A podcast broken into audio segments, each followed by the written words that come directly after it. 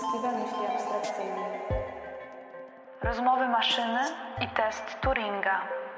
Olga Kołakowska. Spostrzeżenie takie, że jeśli tutaj ktoś się spodziewa jakiegoś takiego zorganizowanego wstępu do przetwarzania języka naturalnego albo w ogóle się zna na tych tematach, to może od razu wyjść. E, bo ja po pierwsze y, mówię trochę z pozycji laika, a trochę z pozycji filozofa i bardziej mnie interesują różne takie epistemologiczne pytania, które się tam nasuwają w związku z tym testem Turinga. Więc jeśli nikt nie wyszedł jeszcze, a jeszcze wchodzą, Boże to epistemolodzy przyszli. No więc dobrze, no test Turinga. Test Turinga e, mnie zainteresował, bo to jest taki trochę taki intelektualny viral. Tak? Każdy o nim słyszał, ale prawdopodobnie nie każdy, a przynajmniej większość nie, nie, nie czytała e, tego tekstu źródłowego, skąd, z którego się wziął. Więc to powoduje, że tak trochę wiemy piąte przez dziesiąte, co, co, o co w ogóle w tym teście chodziło, tak jak, e, nie wiem, o metaforę jaskini Platona. Też tak z grubsza pamiętamy, ale pewnie nie każdy by umiał odtworzyć komplikowany dosyć plan tej jaskini. Więc, więc e, ja się chciałam przed tym uchronić, więc sięgnęłam do tekstu źródłowego. To jest artykuł z 1950 roku, co jest dosyć istotne, bo jakby mm, obrazuje, jak to było dawno, a jak wiele rzeczy już jest dosyć aktualnych. Więc punktem wyjścia tego artykułu jest to, że ludzie sobie zadają takie pytanie, czy można, czy maszyny mogą potrafić myśleć. No ale to jest dosyć słabe pytanie, bo jest nieostre. To znaczy, po pierwsze, co to znaczy maszyny? Nad tą częścią może się nie będziemy zastanawiać, bo wydaje mi się, że tutaj wszyscy jakoś mniej więcej wiedzą, czym jest komputer, program komputerowy, więc jakby ustalmy, że, że, że, że, tutaj mamy w miarę jasność. Natomiast co to znaczy myśleć, to już jest dużo gorszy problem. Więc Turing zamiast tego nieostrego pytania zaproponował taki eksperyment myślowy. On zaczął w ogóle od przykładu, w którym e, występuje nie maszyna, tylko, tylko ludzie. Wyobraźmy sobie, że jest sobie jakiś tam tester i on dostaje komunikaty od dwóch osób, które uczestniczą w teście. Jedną z tych osób jest kobieta, drugą jest mężczyzna. I w teście chodzi o to, że obie te osoby muszą go nabrać, że są kobietą. Więc on zadaje na przykład pytanie, mm, jakie masz włosy, tak? I mężczyzna, próbując udawać, że jest kobietą, opisuje, że tutaj ma jakieś fale do pasa i, tak dalej, i tak dalej. No i generalnie na wszelki sposób się stara go przekonać, e, że jest kobietą. Pytanie Turinga brzmi, czy taki sam test dałoby się przeprowadzić, gdyby zamiast jednego, jednej z tych osób była maszyna i nie udawała nawet koniecznie kobiety, chociaż też by mogła, tylko próbowała przekonać tego testera, że jest y, człowiekiem. Tak, i na razie to jest chyba dosyć, dosyć jasne. I od razu Turing, zaraz po zaprojektowaniu tego, tego eksperymentu, przechodzi do takich potencjalnych zarzutów. Co by mogło obalić w ogóle ten pomysł, że, że, że, że to jest dobry test, który daje jakiś miarodajny rezultat. Więc zaczyna od takich metafizycznych argumentów. To znaczy, że że nie, że maszyna by nie mogła udawać człowieka, bo Bóg dał człowiekowi duszę, bo człowiek jest jakąś koroną stworzenia, bo to by było zachwianie w ogóle naturalnego porządku.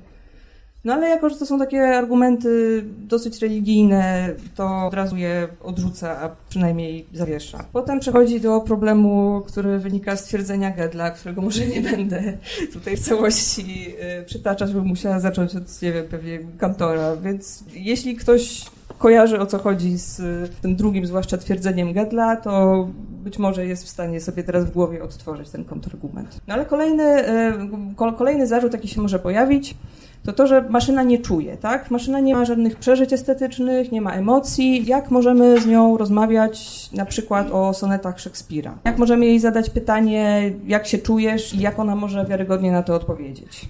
No więc taki najbardziej prostacki, solipsystyczny kontrargument na to jest, a skąd my w ogóle wiemy, że inni czują? Tak? Ja mam jakąś tam teorię umysłów innych ludzi, ale tak naprawdę to ja nie wiem, czy w nich się dzieje to samo, co we mnie. Nie patrz jak na mnie, Bartek. Nawet co do ciebie nie mam pewności. Mam po prostu jakieś tam komunikaty, które od ciebie płyną, które mi sygnalizują, że akurat jesteś smutny, czy tam wesoły, czy, czy coś takiego. Natomiast co do tego przeżycia estetycznego, jak, jak maszyna mogłaby mówić o, yy, o dziele sztuki? I yy, tutaj Turing sam yy, taki wymyślony dialog przytacza, między właśnie człowiekiem a kimś tam. I pytanie, czy ten ktoś tam mógłby być maszyną. Ja może, to jest moje własne tłumaczenie, więc jest trochę niedoskonałe, ale może przytoczę ten dialog. Pytający zadaje pytanie, test, to jest tester. Pierwszym wersie e, sonetu Szekspira Szekspir napisał, czy mam przyrównać cię do dnia letniego? Właściwie czemu nie wiosennego? No i słyszę na to odpowiedź, że nie, nie, tutaj się metrum nie będzie zgadzać, jak będzie dzień wiosenny. No to pytający, no to może do dnia chłodnego. Tutaj metrum będzie się zgadzać. Odpowiedź, no tak, ale chyba nikt nie chce być przyrównany do chłodnego dnia, no to nie jest zbyt miłe. Pytający, mm, a czy na przykład pan Pickwick z Dickensa, taka postać, mógłby się skojarzyć komuś z Bożym Narodzeniem? Na co pada odpowiedź, no tak, no w pewnym sensie tak. E, ale Boże Narodzenie to zwykle jest chłodny dzień. a nie sądzę, żeby pan Pickwick miał za złe komukolwiek takie porównanie. Na co odpowiedź pada, no tak, nie wydaje mi się, że po pierwsze, że mówisz serio, ale a po drugie, jak mówimy chłodny dzień, to raczej mamy na myśli taki typowy chłodny dzień, a nie wyjątkowy dzień typu święta. Więc czy to jest pytanie, czy, czy, czy ten dialog wymaga od odpowiadającego jakiejkolwiek wrażliwości estetycznej? No nie, on po prostu podaje różne fakty o tym, jak, no o tym, że, że w sonecie powinno się metrum zgadzać, o tym, że ludzie nie lubią być porównywani do, do, do zimowych dni, tylko wolą do letnich, więc, więc tak naprawdę nawet y, tę, tę, tę, ten, ten zarzut braku przeżyć estetycznych da się jakoś obejść. Kolejne tego typu zarzuty można mnożyć. No, można powiedzieć, że maszyny nie mogą być sympatyczne, że nie mogą e, mieć poczucia humoru, że nie mogą odróżnić dobra od zła, zakochać się, nie mogą się cieszyć, to jest dokładny cytat e, z, z tego tekstu Turinga, nie mogą się cieszyć smakiem truskawek ze śmietaną. Te zarzuty można mnożyć, te wszystkie zarzuty się da sprowadzić do jednego, jednego takiego dużego kontrargumentu ze świadomości, tak? Że ludzie mają świadomość, że ludzie coś czują, czego nie może poczuć maszyna. Turing na to odpowiada, że tak, po pierwsze to już odpowiedziałem poprzednio. Nie chodzi o to, żeby maszyna coś czuła, tylko żeby potrafiła mówić, jak to jest coś czuć. I część tych tez wynika tak naprawdę z tego, że z jakiejś niezupełności indukcji, tak? To, że nigdy nie widzieliśmy maszyny, która mówi, która potrafi się uczyć, to nie znaczy, że takie nie mogą istnieć. No i my z perspektywy dzisiaj już wiemy, że mogą istnieć takie maszyny, które potrafią się uczyć. Czy moglibyśmy zrobić maszynę, która cieszy się tym smakiem truskawek? No moglibyśmy, ale po co? No a co do błędów, to jest akurat ciekawy, ciekawy argument, bo mm, no, maszyna ma pewne przewagi nad człowiekiem. Na przykład jeśli zadamy, jeśli w tym teście Turinga pytający zada jakiś super skomplikowany przykład matematyczny, no to człowiek raczej tego nie przemnoży sobie w głowie w ciągu pół sekundy. Przecież można kazać maszynie udawać, że, no, że jest trochę słabsza z matematyki niż, niż, niż de facto jest. Poza tym błędy też się maszynom zdarzają, bo coś tam, jakieś spięcie, takie błędy wynikające po prostu z złego funkcjonowania. Kolejny, kolejny mm, kontrargument, który Turing przytacza, mm, jest autorstwa Lady Ady Lovelace, czyli w ogóle pionierki y, programowania. I Lady Ada mówi tak. Maszyna jest w stanie zrobić tylko to, do czego jest zaprogramowana. Maszynie się wgrywa program i to jest wszystko, co, co ona ma. To znaczy, że ani ona nie może wymyślić nic nowego, ani się nauczyć ni niczego. Do uczenia jeszcze wrócimy, bo też prawdopodobnie, jak większość, większość z Państwa wie, już, już ten zarzut jest troszkę nieaktualny. No a co do kreatywności, to można sobie powiedzieć, czy my tak naprawdę jesteśmy w stanie wymyślić coś kompletnie nowego. Parę razy w dziejach padały takie zdania, że nie ma nic nowego pod słońcem, że jedyne co możemy robić, to po prostu brać jakieś stare pomysły i je mielić na nowo. W zasadzie trochę tak jest. Może gdzieś u zarania dziejów e, byli ludzie, którzy byli prawdziwie innowacyjni, ale też pewnie oni z kolei swoje pomysły brali z obserwacji natury. Więc, więc tak naprawdę, czy kreatywność jest wymyślaniem czegoś w ogóle z nicości, no tak średnio. Kolejny argument jest dosyć ciekawy, bo Turing pisze, że ktoś mógłby mu powiedzieć, że maszyny działają według reguł. A tymczasem w przypadku człowieka nie da się spisać takiego kompletnego protokołu zbioru reguł, według których zawsze się postępuje. Na przykład, no, generalnie jest zasada, że zatrzymujemy się, jak widzimy czerwone światło. No ale po pierwsze, nie każdy tak bardzo szanuje przepisy drogowe. Po drugie, nawet jak szanuje, no to jak jesteśmy na pustej drodze, nikogo dookoła, widać, że nic nie jedzie, no to, to się przejdzie na tym czerwonym świetle, prawda? Więc, więc tak, no jakby to, ten argument dałoby się z, sparafrazować tak, że maszyny tak, tylko według zasad, a ludzie żadnych zasad. Już widać, że tutaj troszkę zasada wyłączonego środka nie działa. To jest taki, taki rzadki przykład, że ten prawdopośrodkizm się, się, się sprawdza, bo to nie do końca jest tak, że ludzie nie mają żadnych zasad dotyczących swojego zachowania, które, które można by jakoś tam wyciągnąć. Ale, ale do tego jeszcze wrócimy. I na samym końcu y, Turing jeszcze raz się odnosi do, do tej kwestii uczenia się maszyn. To znaczy on generalnie uważa, że wszystko jest kwestią mocy obliczeniowej i pamięci. W jego czasach on wie, że na razie tej pamięci ma maszyny nie mają za dużo, ale wierzy też, że to się zmieni. On chyba przewidział, że taka maszyna, która by przeszła test Turinga gdzieś tak około roku 2000 już mogłaby powstać. I też yy, daje taką propozycję, że my myślimy o, o, o tworzeniu maszyn, które już są jakby dorosłymi umysłami, które już są ukształtowane. A tymczasem moglibyśmy założyć, że chcemy zrobić maszynę, która jest jak umysł dziecka, że już coś tam ma, już coś tam wie, już rozumie jakieś reguły, ale ma jeszcze sporo miejsca w pamięci na więcej i może sobie dodawać do tej pamięci e, nowe rzeczy i można ją uczyć de facto. I choć maszyna to nie jest dziecko, nie da się jakoś jeden do jednego prze, przenieść różnych, różnych pomysłów na uczenie dzieci, no to jednak niektóre pomysły da się przenieść. Na przykład taki system kar i nagród. Jak maszyna zrobi dobrze, to dostaje nagrodę, jak źle, to zostaje ukarana. I to jest dokładnie to, co się dzisiaj nazywa reinforced learning, czyli, czyli takie uczenie przez, przez wzmacnianie, przez dawanie takiego bodźca, że, że dobrze maszyno, zrobiłaś dobrze, a tutaj ci nie wyszło. Więc, więc to już było przewidziane przez, przez Turinga i właściwie głównie, głównie ten, te, te ograniczenia technologii ówczesnej go, go, go ograniczały. I też wiadomo, że na początku ta maszyna musi mieć zaprogramowane jakieś zasady, ale te zasady mogą na przykład brzmieć, że wszystko, co mówi nauczyciel, to jest prawda. Ty wiesz, co ci mówi, wiesz w to, co ci mówi nauczyciel i po prostu dodawaj tę wiedzę do, do swojej aktualnej wiedzy. Można tę, ją też y, zaprogramować tak, żeby się uczyła przez indukcję. Czyli żeby zobaczyła ileś tam przykładów czegoś i z tych przykładów wyciągnęła wzór. I to też się dzieje teraz i się nazywa uczeniem maszynowym. Turing jest bardzo świadomy tych zarzutów, które się mogą pojawić. Natomiast jak się czyta o polemikach y, z Turingiem, to takim chyba najczęstszy, najczęściej podawanym przykładem mm, jest y, John Searle i, czy Searle, ja nie wiem nigdy jak go się czyta. I taki eksperyment myślowy, który on z kolei proponuje, który się nazywa chiński pop. On jest strasznie zamotany. Ja go jak kocham eksperymenty myślowe, to, to za tym nie przepadam. Tu jest nakreślona taka sytuacja. Siedzi sobie człowiek w pokoju zamkniętym, ma przed sobą jakieś zwoje z, ze zbiorem reguł, e, tłumaczenia chińskich znaków na inne znaki. Znaczy nawet nie są, to nawet nie jest słownik, bo mm, tylko jakiś, jakiś zbiór, jak od, reagować jednym znakiem na inny znak. Więc na przykład, aha, jeszcze pod tym pokojem są Chińczycy i oni przez, e, przez szparę w drzwiach mu wsuwają kartki, gdzie są ideogramy. I on nie ma pojęcia, co jest na tym ideogramie. Załóżmy, że ktoś mu wysłał wiadomość, jak się masz, więc on sobie szuka w tym zbiorze reguł, co się odpowiada na jak się masz i znajduje ideogram, który znaczy yy, dzięki, wszystko dobrze. Więc pisze na swojej kartce ten, ten ideogram i wsuwa ją z powrotem w tę szparę Chińczykowi. Chińczyk jest zadowolony, bo ma sensowną odpowiedź na to pytanie. Ale czy można powiedzieć, że ten facet z, chiński, z, z środka pokoju rozumie chiński? No, jasne, że, że, że nie rozumie.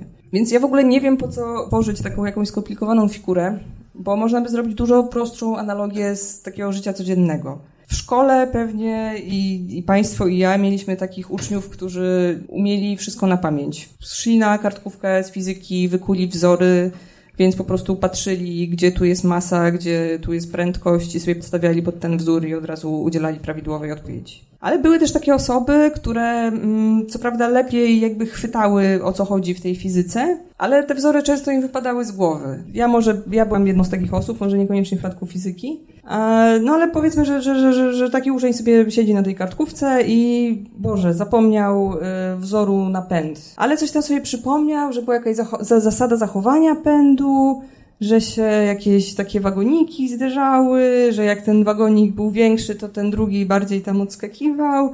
No i tak sobie będzie przypominał kawałek kawałku i tak sobie z grubsza ten wzór wyprowadzi i też udzieli ostatecznie dobrej odpowiedzi. Więc pytanie, jakie jakie to ma znaczenie z punktu widzenia nauczyciela? Dostał dwa testy, na obu jest dobra odpowiedź, wszystko gra. Więc dlaczego w ogóle to rozumienie, znaczy no dobrze, no z punktu widzenia nauczyciela rzeczywiście nauczycielowi powinno zależeć na, na tym raczej, żeby, żeby uczeń rozumiał fizykę, ale powiedzmy, że oni to piszą dla trzeciego kolegi, który po prostu im płaci za to, że, że napiszą mu ściągę albo wypełnią za niego kartkówkę. Więc z punktu widzenia tego kolegi to nie ma absolutnie żadnego znaczenia, czy to była pamięciówka, czy to było rozumienie, y, czym jest pęd. W takiej samej sytuacji jesteśmy w, w przypadku testu Turinga. Turing nigdy nie twierdzi, że on chce zaprojektować maszynę, która będzie od, odbiciem ludzkiego umysłu. Nie, on chce zrobić maszynę, która będzie się zachowywała jak człowiek. A to jest taka różnica jak między, no nie wiem, Andrzejem Gołotą, a y, aktorem, który gra Andrzeja Gołotę. Jakby kompletnie nam nie zależy na tym, żeby ten aktor y, umiał się boksować, tylko no, Chodzi o to, żeby dobrze zagrał. Więc drugi, druga rzecz, którą, którą, którą można Seattle'owi tutaj zarzucić, że no, co to właściwie znaczy rozumieć. I co to znaczy, że my coś rozumiemy? Możemy sobie powiedzieć, że, że maszyna nie rozumie, czym jest woda, i nawet jeśli potrafi stworzyć zdanie o tym, że tam woda chlapie i jest mokra, no to przecież nigdy nie doświadczyła wody, nigdy nie zjadła tych truskawek, nigdy się nie ochlapała, więc co ona wie o tej wodzie? Ale z drugiej strony nie wiem, chemik mógłby powiedzieć, że a co wie o wodzie ktoś, kto nie rozumie, jaką woda ma strukturę chemiczną, jak y, na poziomie atomowym, czym jest woda. I tak dalej, i tak dalej. Możemy tutaj wrócić do tego Gedla, jak ktoś to ma w pamięci. Generalnie nie, nie da się do końca wyczerpać tego, tego, tego całego ciągu coraz lepszego tłumaczenia poszczególnych zjawisk, żeby wskazać palcem moment, że o, tutaj to już jest rozumienie, a tu jeszcze nie było rozumienia. Jedyne, co jest w tym, tym chińskim pokoju niepokojące, to jest taka myśl, że skąd my mamy pewność, że maszyna rozumuje tak jak my, że dochodzi do jakichś tam wniosków, które są identyczne z naszymi, ale coś tam wcześniej zachodzi zupełnie innego i w przyszłości to może dać złe rezultaty. To jest takie trochę nieostre, więc ja to teraz na głupim przykładzie wyjaśnię. Jak się zaczyna mm, uczyć y, uczenia maszynowego, to takim najbardziej, nie wiem, takim podstawowym zadaniem, które, które jest zawsze przykładem, jest to, żeby wyuczyć model, żeby odróżniał psy, odróżniał psy od kotów. Więc, y, żeby tutaj nie wprowadzać y, uczenia maszyn, wyobraźmy sobie, że to my jesteśmy tym, który się musi nauczyć. No a ponieważ już chyba wszyscy z nas odróżniamy psy od kotów, to sobie wyobraźmy, że się znaleźliśmy na obcej planecie. Jesteśmy u kosmitów i tam są jakieś zwierzęta, które się nazywają powiedzmy ksy i puty, tak? I chcemy, i zaczepiamy tam naszego kosmitę, który jest, jest gospodarzem. Słuchaj, weź mi wytłumacz, czym się te ksy od potów różnią. On mówi, nie, słuchaj, nie mam czasu, jestem zarobiony, ale, ale mam y, syna trzyletniego, on się właśnie nauczył rozróżniać te zwierzęta, więc on na razie tylko potrafi pokazać palcem i powiedzieć, y, że, że, że to jest kies, a to jest pot. No ale może ci to wystarczy, no weź go tam zabierz na miasto, tam te zwierzęta będą sobie krążyć. No i przychodzi pierwszy zwierzak, który jest powiedzmy, nie wiem, czerwony, ma spiczaste uszy i zakręcony ogon i to dziecko kosmicie mówi, że to jest kies. No to sobie myślisz, aha, dobra, no to może ksy to są te czerwone. Ale potem przychodzi kolejny czerwony i dziecko mówi, że nie, to, że to jest pot. No dobra, no to może tutaj inne cechy mają znaczenie. I im więcej tych zwierzaków się pojawia, im więcej masz, masz, yy, mamy przykładów, tym bardziej mamy wyrafinowane kryteria odróżniania ksów od potów. I w końcu dochodzi, dochodzimy do takiego punktu, że no co prawda i ksy i poty są czerwone, ale ksy są co, trochę częściej czerwone, ale za to nigdy nie widzieliśmy, nie wiem, pota, który ma zakręcony ogon yy, i tak dalej, i tak dalej. Więc już mamy jakieś tam ramy, no i chcemy się pochwalić temu naszemu gospodarzowi kosmicie, że się tak świetnie nauczyliśmy odróżniać zwierzęta. I idziemy z nim na miasto i tutaj pokazujemy, o, tu kies, tu pot, super, tak, znamy się. I nagle pokazujemy na jakieś zwierzę, no tak, to jest pot na pewno, bo on ma ogon zakręcony, a w, tylko u, u potów to, to, to występuje. I ten kosmita tak, nie, no jak, no, jak, jaki pot, no to, to jest kies, ewidentnie, tylko że ma taką panią dziwną, ona mu ten ogon tam zakręca na wałki. No, ale jak to? No to po, po, czym ty to poznajesz właściwie? No już tyle się namęczyłem. No kurczę, no. Przecież kiesy emitują promieniowanie alfa, a poty promieniowanie gamma. To jest proste.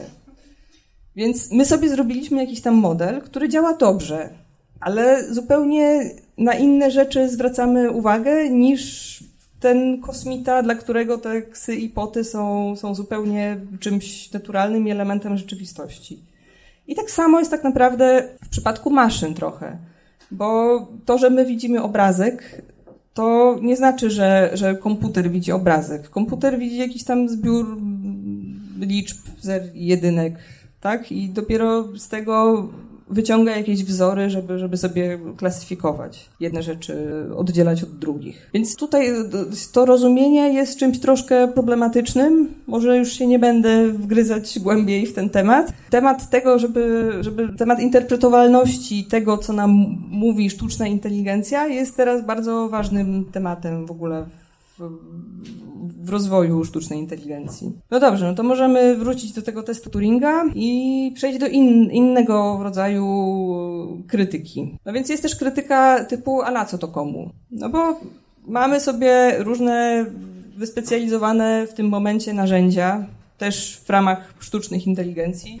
No chociażby, nie wiem, maszynka do odróżniania psów od kotów, albo y, coś bardziej do rozpoznawania twarzy, albo do przewidywania trendów na giełdzie. No i one nie muszą prowadzić z nikim konwersacji, żeby, żeby działać, tak? No ale to nie ma aż takiego też znaczenia, bo po pierwsze to jest eksperyment myślowy. Turing nigdy też tak naprawdę nie postulował, że tutaj trzeba koniecznie zbudować taką maszynę, co będzie gadała z ludźmi. On po prostu proponował to, żeby się zastanowić, czy, czy, czy to by było możliwe, czy mm, jak daleko można mm, iść w wyobrażaniu sobie, y, sobie tego myślenia maszynowego. Można powiedzieć też, chociaż to jest trochę dyskusyjne, że jemu chodziło o taką, coś co się nazywa generalna, czy tam nie wiem jak to się na polski tłumaczy, no, ogólna y, sztuczna inteligencja. Czyli coś, co nie jest wyspecjalizowane w jednym polu, tylko teoretycznie może się podjąć każdego zadania, jakie mu się da. No i teraz chyba, nie wiem, no czy są, czy się prowadzi jakieś sensowne badania w tym kierunku? Chyba tak, ale to nie jest priorytet, bo jakby te wyspecjalizowane maszynki do ko konkretnych zadań sprawdzają się na tyle dobrze, że, no, że, bardziej się opłaca je, je rozwijać. No ale okej, okay, bo jest też w ramach tych wyspecjalizowanych maszynek jest taka bardzo ważna dziedzina, która dotyczy przetwarzania języka, czyli tego, żeby komputery rozumiały, co my mówimy żebyśmy my mogli zadzwonić na infolinię mBanku o trzeciej w nocy, kiedy wyłączają karty i zawsze jest awaria. I o tej porze już nie będzie konsultanta, ale może być komputer, który zrozumie to, co my mówimy, czy tam piszemy i nam odpowie. No zresztą dużo takie bardziej trywialne przykłady można podawać. No, wyszukiwarka Google'a, tak, musi też rozumieć pytania. Nie wiem, co jeszcze. No, autokore, znaczy ten taki podpowiadacz kolejnego słowa w telefonie. Też, też, te, też się musi y, dobrze nam te słowa podsuwać i przewidywać, co my chcemy powiedzieć. Więc, więc tak, przetwarzanie języka naturalnego jest ważną działką badań nad y, sztuczną inteligencją. I do tego też zaraz przejdziemy, bo jeszcze chciałam ostatni taki, taki argument y, przeciw y, sensowności te, te, te, testu, testu Turinga podać. I to jest argument taki, że człowieka jest bardzo łatwo oszukać. Tak jak bardzo łatwo jest yy, na przykład udawać, że się jest strasznie zarobionym i po prostu wystarczy sobie trochę dłużej w biurze posiedzieć i od razu wszyscy myślą, że, że, że pracujesz nad czymś strasznie ważnym, a ty sobie siedzisz na Facebooku po godzinach. Ja, ja kiedyś zresztą tak miałam, bo pracowałam zdalnie i naj, najlepiej mi się pracowało w nocy, więc na jakieś tam maile odpisywałam o, o północy i wszyscy myśleli, o to Olga taka zapracowana, no, ona tutaj po nocy siedzi, żeby na wszystko odpisać. No a ja de facto na to pół godziny jakieś przeznaczałam i cały dzień się leniłam. Więc tak, to jest proste. I tak samo, nie wiem, wcześniejszy przykład z aktorem, który gra Andrzeja Gołotę. No może być jakiś aktor, który super mocno się do tego przygotuje, będzie studiował biografię Gołoty, będzie czytał jego wiersze, bo on czytał, pisał wiersze, zainspirowany przez Wisławę Szymborską, ale to też jest już dygresja. Będziesz myślał, co by Gołota zrobił w takiej sytuacji. Nie wiem, idzie na obiad, Boże, co by zamówił Gołota. Może się nawet nauczyć boksować i męczyć rodzinę, się wcielić na tydzień życia jak Andrzej Gołota i tak dalej. No a drugi aktor może po prostu sobie pomyśleć, że dobra, będę miał nieruchomą twarz i cedził coś przed, przez zęby, czy tam tak był kotał lekko, jak Andrzej Gołota. I niewykluczone, że dla wielu widzów to będzie spoko rola. I my jesteśmy właśnie takimi widzami, znaczy my ludzie, nie, to nie jest jakiś pojazd osobisty po, po nikim w tej sali. E, ludzie lubią szukać wzorów tam, gdzie ich nie ma. Dlatego e, takie powodzenie mają na przykład horoskopy, tak, które są na zimnym odczycie oparte. Tak? Jest jakieś bardzo ogólne zdanie i my szukamy, jak to jest dopasowane do naszego życia. Albo, nie wiem, no, generowana losowo poezja też, też ma jakąś wartość estetyczną jednak, bo, ale ona nie pochodzi z intencji twórcy, tylko z tego, co myśli sobie odbiorca.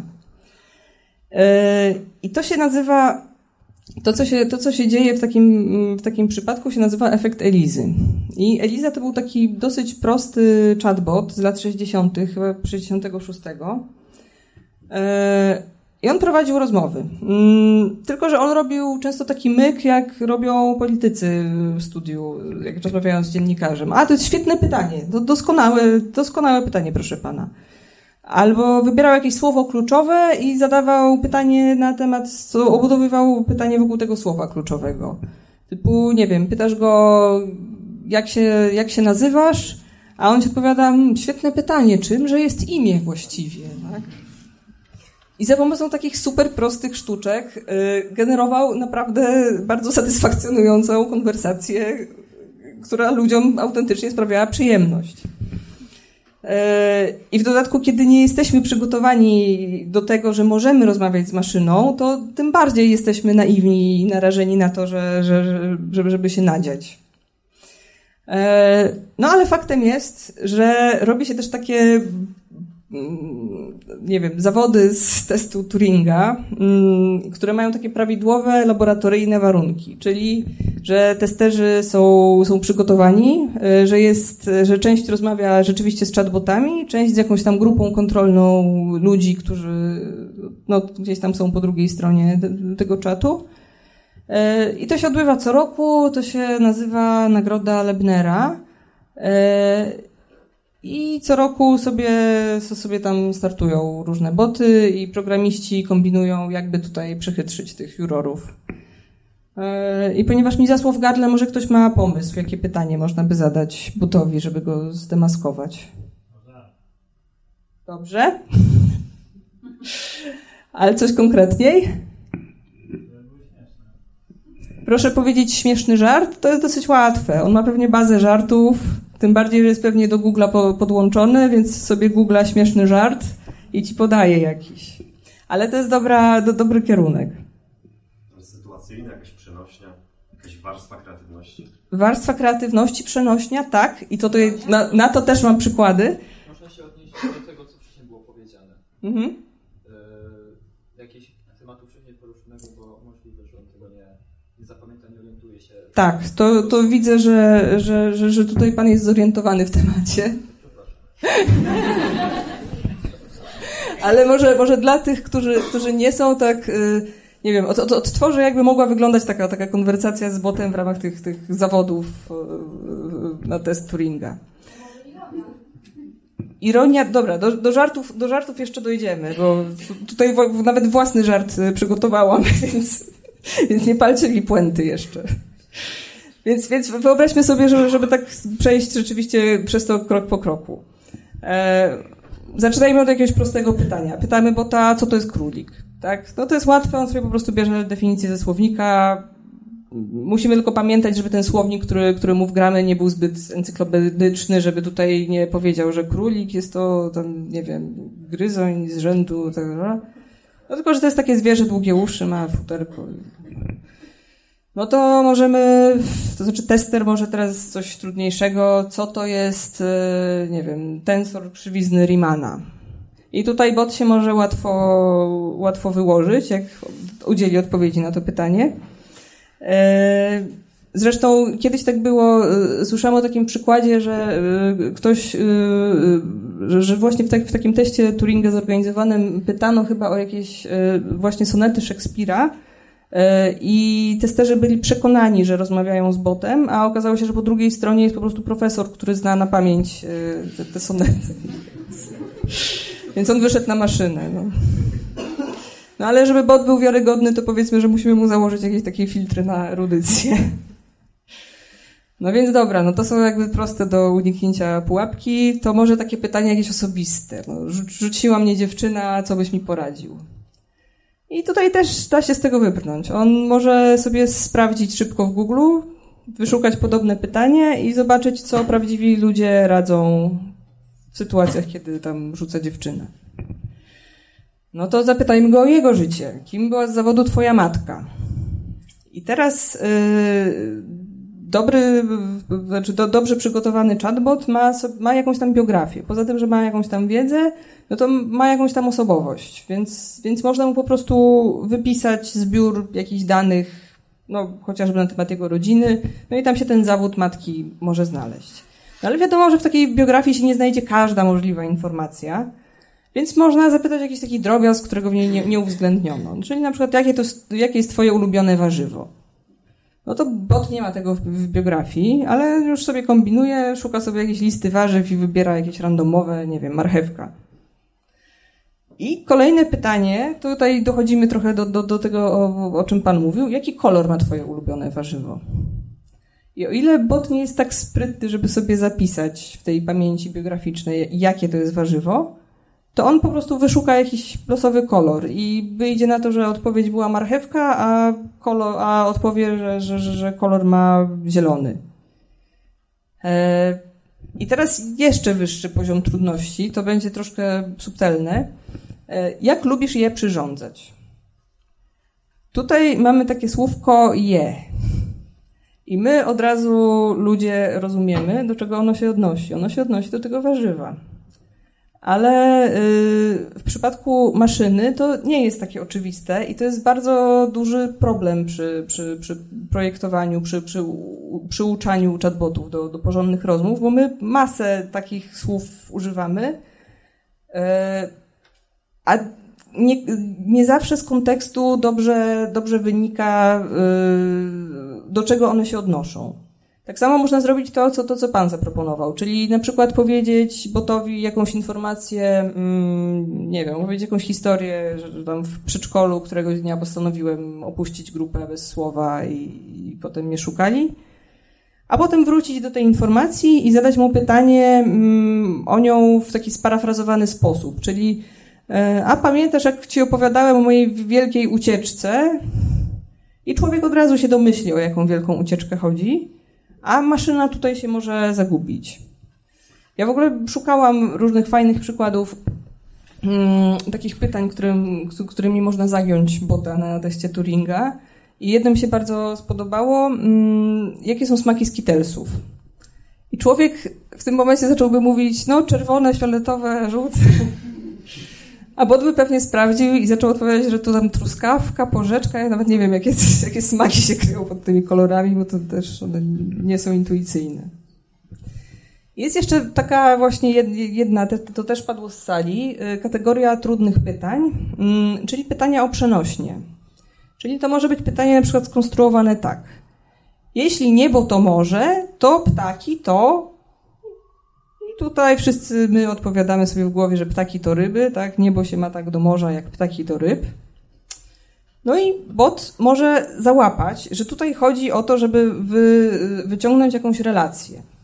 I załóżmy, że on jest nawet dobrze, że ma dobry słownik, bo te słowniki, yy, które się przygotowuje właśnie po to, żeby, no, no chociażby dla, dla chatbotów i w ogóle na, na, potrzeby przetwarzania języka naturalnego przez maszyny, one nie wyglądają tak po prostu, że jest definicja i synonimy, antonimy, tylko, mm, Boże, już nie pamiętam jak ten zbiór się nazywa, ConceptNet, yy, ale to, to też są różne inne tego, tego typu projekty, że jest powiedzmy hasło ptak, i przy tym haśle jest, y, nie wiem, jakie, jakie są rodzaje ptaków, z czego składa się ptak, że ptak ma skrzydła, głowę, ogon, tak?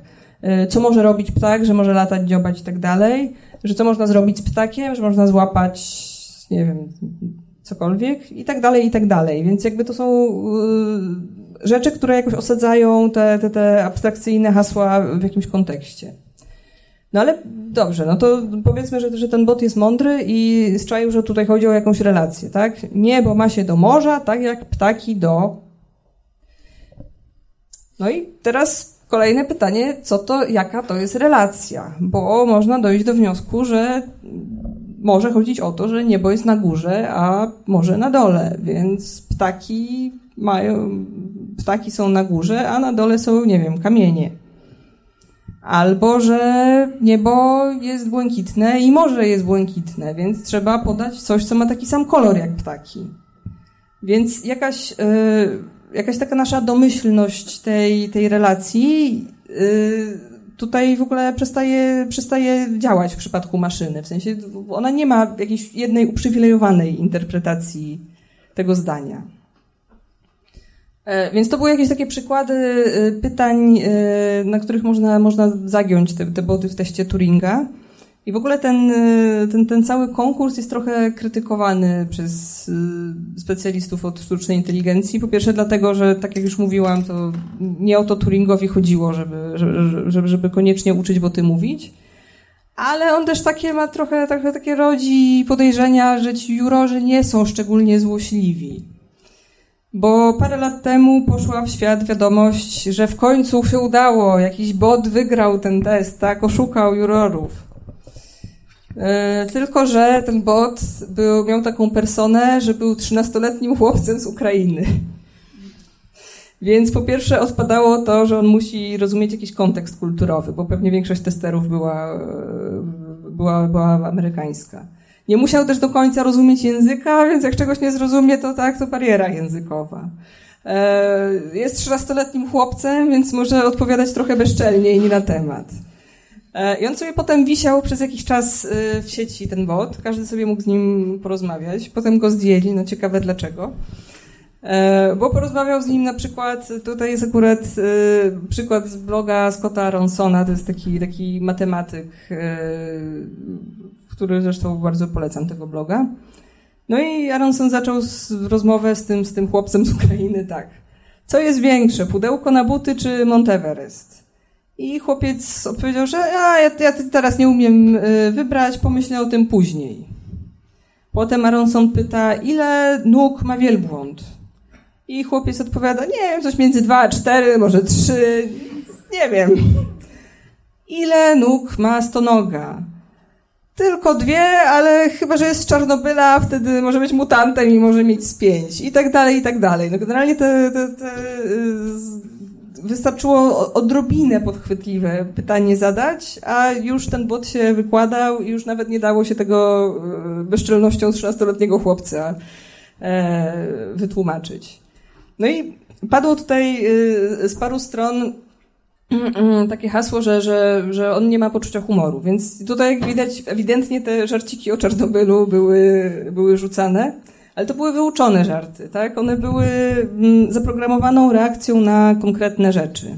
A gdybyśmy na przykład zapytali bota, przy oczywiście założeniu, że on ma, on rozumie polskie realia i że wie, kim jest Jerzy Zięba i generalnie ma cały komplet informacji, który z tych nagłówków mógłby być nagłówkiem z aż dziennika? Jerzy Zięba skazany na tysiąc lat ciężkich robót, czy Jerzy Zięba sprzedaje lewoskrętne banany? Więc one oba są absurdalne, oba, one oba są kontrfaktyczne, ale tylko jeden jest śmieszny. I oczywiście ten bot może strzelić i tak z tego wybrnąć, ale to jest taka subtelność w ogóle sam, sam, samo konstruowanie żartów jest, jest tak subtelnym procesem, gdzie się trzeba z jednej strony y, poruszać między czymś, co jest oczekiwane przed jakąś, przed jakąś wiedzą rozmówcy i nagle tę wiedzę przełamać, ale w taki niezbyt jasny sposób. Jak, kiedy to zrobić, jak to zrobić, dochodzi jeszcze timing, dochodzi jeszcze właśnie jakiś kontekst, więc to jest, to jest, to strasznie ciężko jest zrobić matematyczny model żartu.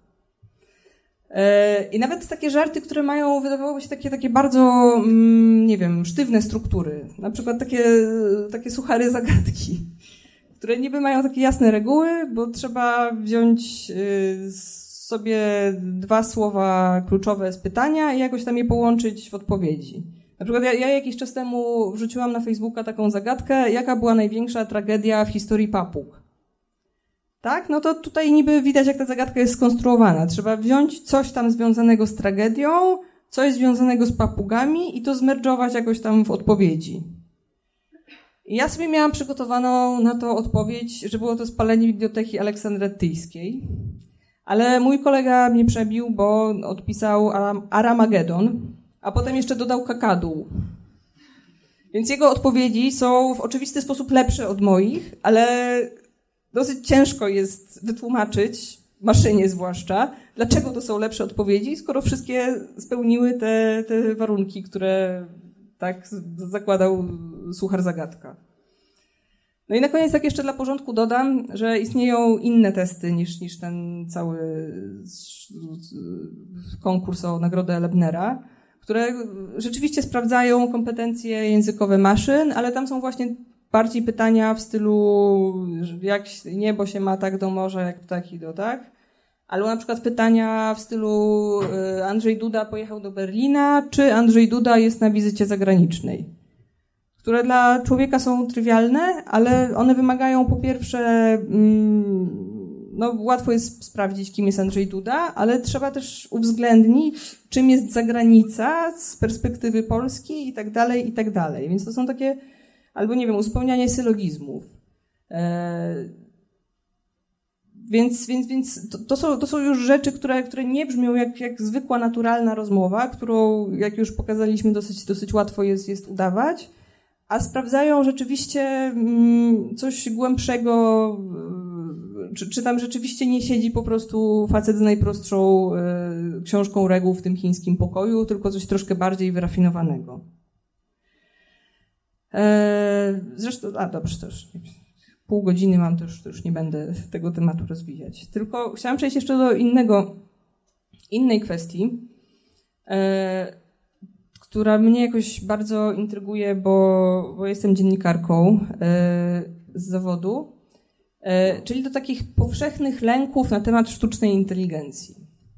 Bo niby się wydaje, że to pytanie, które zaproponował Turing, czy maszyna może rozmawiać, jest jakoś tam bezpieczniejsze niż to, czy maszyna może myśleć. Ale tak naprawdę to ono ma wciąż taki bardzo niebezpieczny potencjał, żeby nas zaprowadzić w te metafizyczne rozwiązania, czy maszyna może mieć wolę, samoświadomość, jaźń, czy jak to tam zwał. Zresztą na, przed, przed, przed, tym wykładem sobie sprawdziłam, zrobiłam taki super prosty test, sprawdziłam na wyszukiwarce iStocka, mm, co się stanie, jak się wpisze AI, sztuczna inteligencja. No i rezultat był łatwy do przewidzenia. Wychodzą jakieś twarze tam z układów scalonych, jakieś mózgi z serii jedynek. I mój ukochany nurt tego to są roboty. To znaczy y, takie humanoidalne roboty, które mają reprezentować sztuczną inteligencję. I to jest strasznie słodkie, bo te roboty mają myśleć, więc one robią tak. One się podpierają pod brodą, jak myślą. To jest ten embodiment słynny. Albo na przykład, kiedy te roboty muszą być y, metaforą tych y, chatbotów, które zastępują pracowników infolinii, to one siedzą przed komputerem, patrzą w ekran, piszą na klawiaturze i jeszcze mają słuchawki na uszach. Więc to jest w ogóle strasznie słodkie. Oczywiście wiem, że, że to jest wszystko na zasadach metafory, więc nie ma się co czepiać. Ale to widać, jak strasznie mamy potrzebę takiego antropomorfizowania mm, sztucznej inteligencji, prawda? I zresztą ta potrzeba też się, ta potrzeba i ten lęk przed, przed sztuczną inteligencją z wolą i samoświadomością, to nie jest jedynie tylko taki, mm, tak, taki lęk, który mają ci ludzie, którzy się boją, że o, tu człowiek jest koroną stworzenia, ktoś nam odbierze to miano i tak dalej. Tylko ten lęk się rozwija w jakiś taki straszny wariant y, y, historii mitu o, o stworzeniu, które przewyższa stwórcę. Mamy to na przykład w Matrixie, gdzie te roboty pokonują ludzi i dosłownie na nich żerują. Mamy w Terminatorze oczywiście Skynet. Mamy, nie wiem, Ultrona z Marvela, modny temat. E, mamy Odyseję kosmiczną i tak mogła wymieniać, wymieniać. To są dosyć banalne przykłady. E, ja mam wrażenie, ale to jest tylko moja intuicja, bo nie dokopałam się do, do, do jakichś y, badań na ten temat, że troszeczkę te lęki się w tym momencie przesuwają. W sensie, że ludzie się wciąż boją y, jakoś tam sztucznej inteligencji, E, ale te lęki mają troszkę już inne formy. To znaczy, na przykład się boją takich bardzo praktycznych rzeczy, typu, że odbierze pracę. Albo, no nie wiem, w ogóle czegoś nieznanego.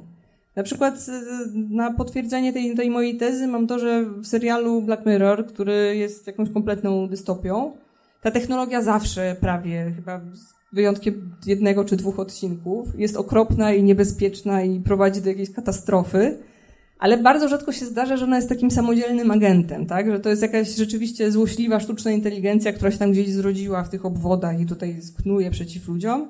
Nie, no to raczej są, jest raczej jakieś narzędzie, którego ktoś źle używa, albo jakiś system, w który jest uwikłany człowiek, więc, więc, więc, więc no. Ale ta metafora tego, tego groźnego programu, czy tam robota, który się uniezależnia od programistów, jest wciąż, co, co, co jakiś czas wraca w mainstreamowych mediach. I mój ukochany absolutnie straszak z tego cyklu miał mniej więcej taki tytuł. E, dwa boty stworzone przez Facebooka wymyśliły własny język i zaczęły rozmawiać między sobą. Ich twórcy byli tym tak przerażeni, że natychmiast odłączyli wtyczkę. I przysięgam, to nie był jeden jakiś portal w rodzaju pikio.pl, tylko kolejne media dokładnie w takim tonie tę wiadomość powtarzały. Co się stało naprawdę? Naprawdę się stało to, że mm, od jakiegoś czasu jest taki pomysł, żeby do uczenia y, maszyn wykorzystywać maszyny już wyuczone. Czyli na przykład, jeśli widzieliście te wszystkie deepfake'i, które są strasznie przerażające, one się udały dzięki takiemu systemowi, który polega na tym, że mamy sobie jedną sztuczną inteligencję, która generuje sztuczną twarz, tak? I drugą, która ocenia, na ile dobrze jej wyszło. E, bo to mógłby robić człowiek, ale dzięki temu, że to są dwie maszyny, które wcale nie są robotami, które stukają w klawiaturę, to idzie dużo szybciej i jest dużo sprawniejsze.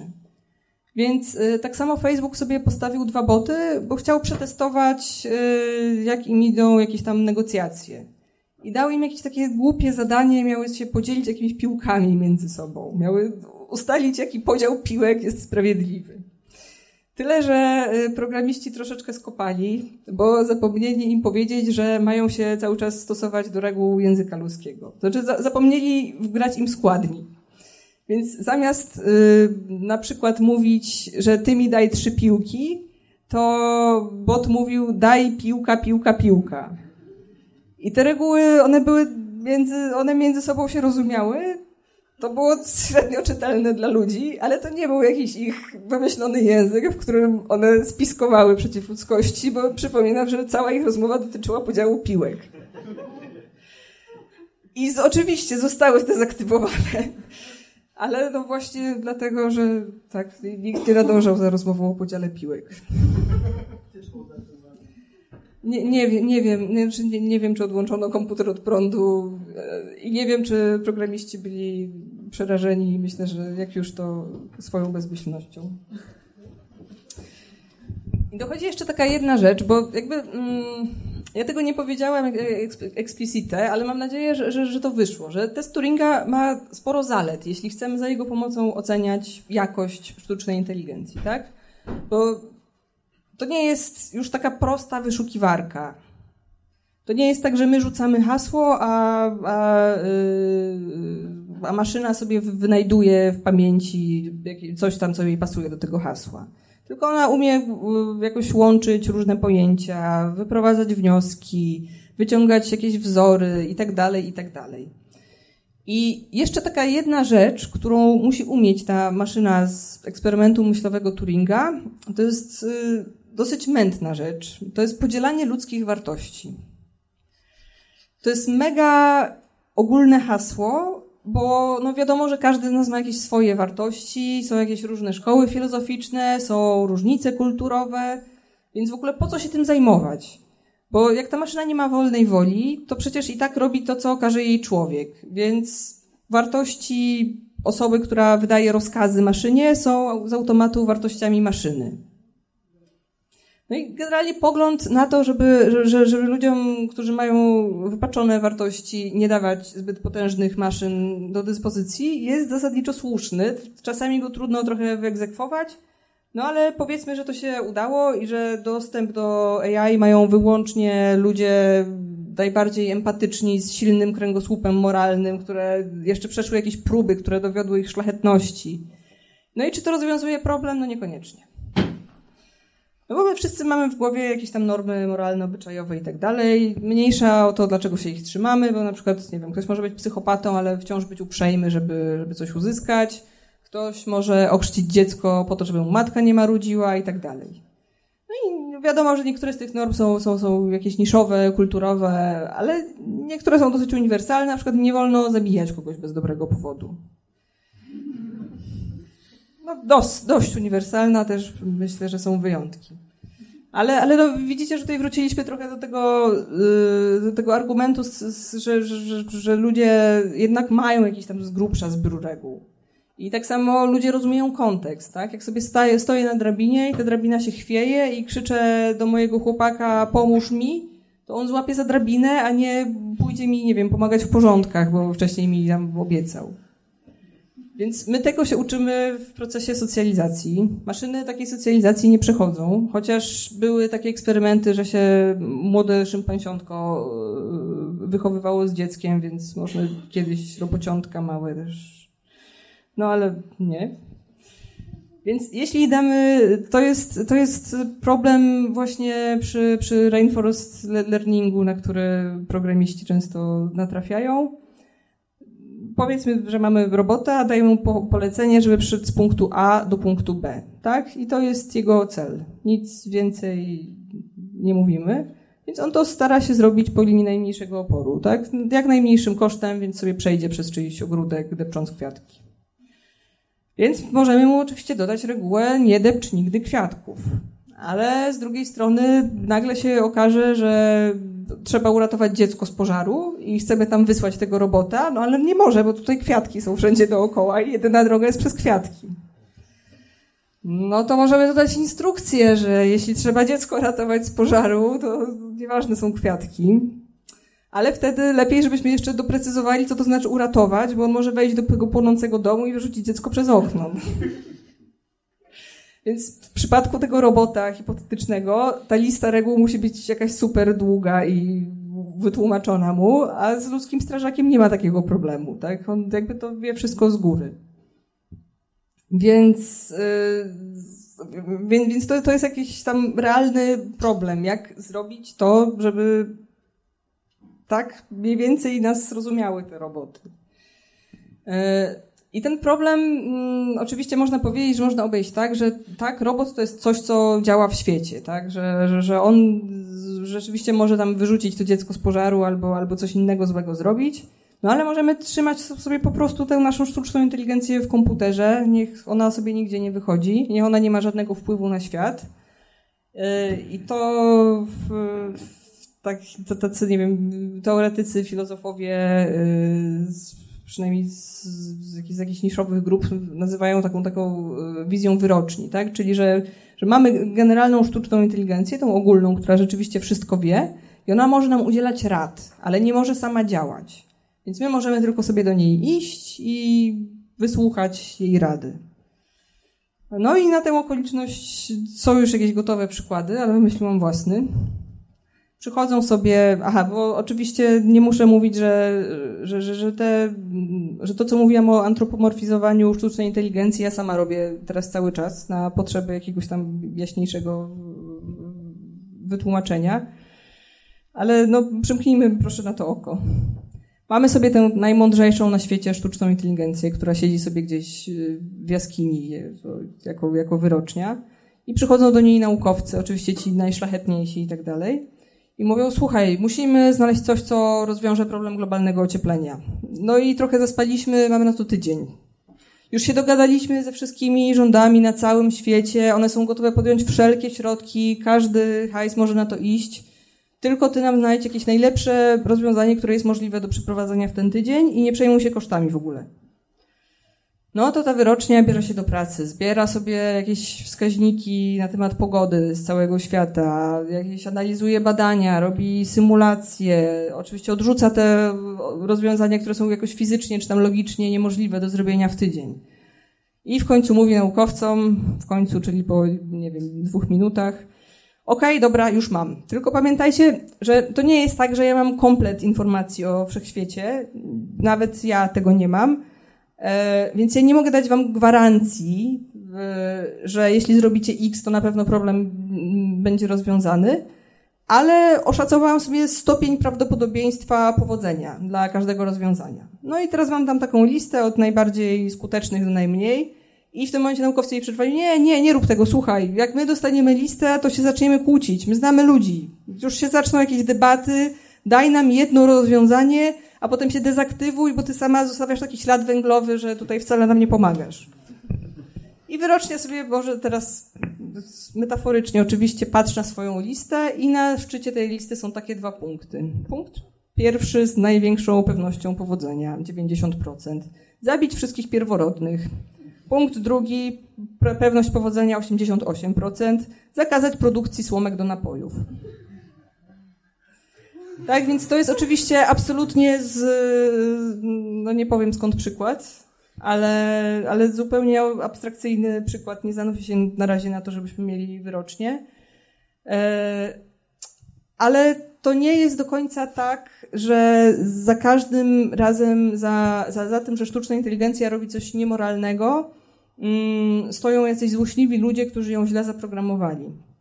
Mm, bodajże Hanna Fry y, podawała taki bardzo fajny przykład mm, jakiegoś uniwersytetu, który chciał sobie skrócić rekrutację.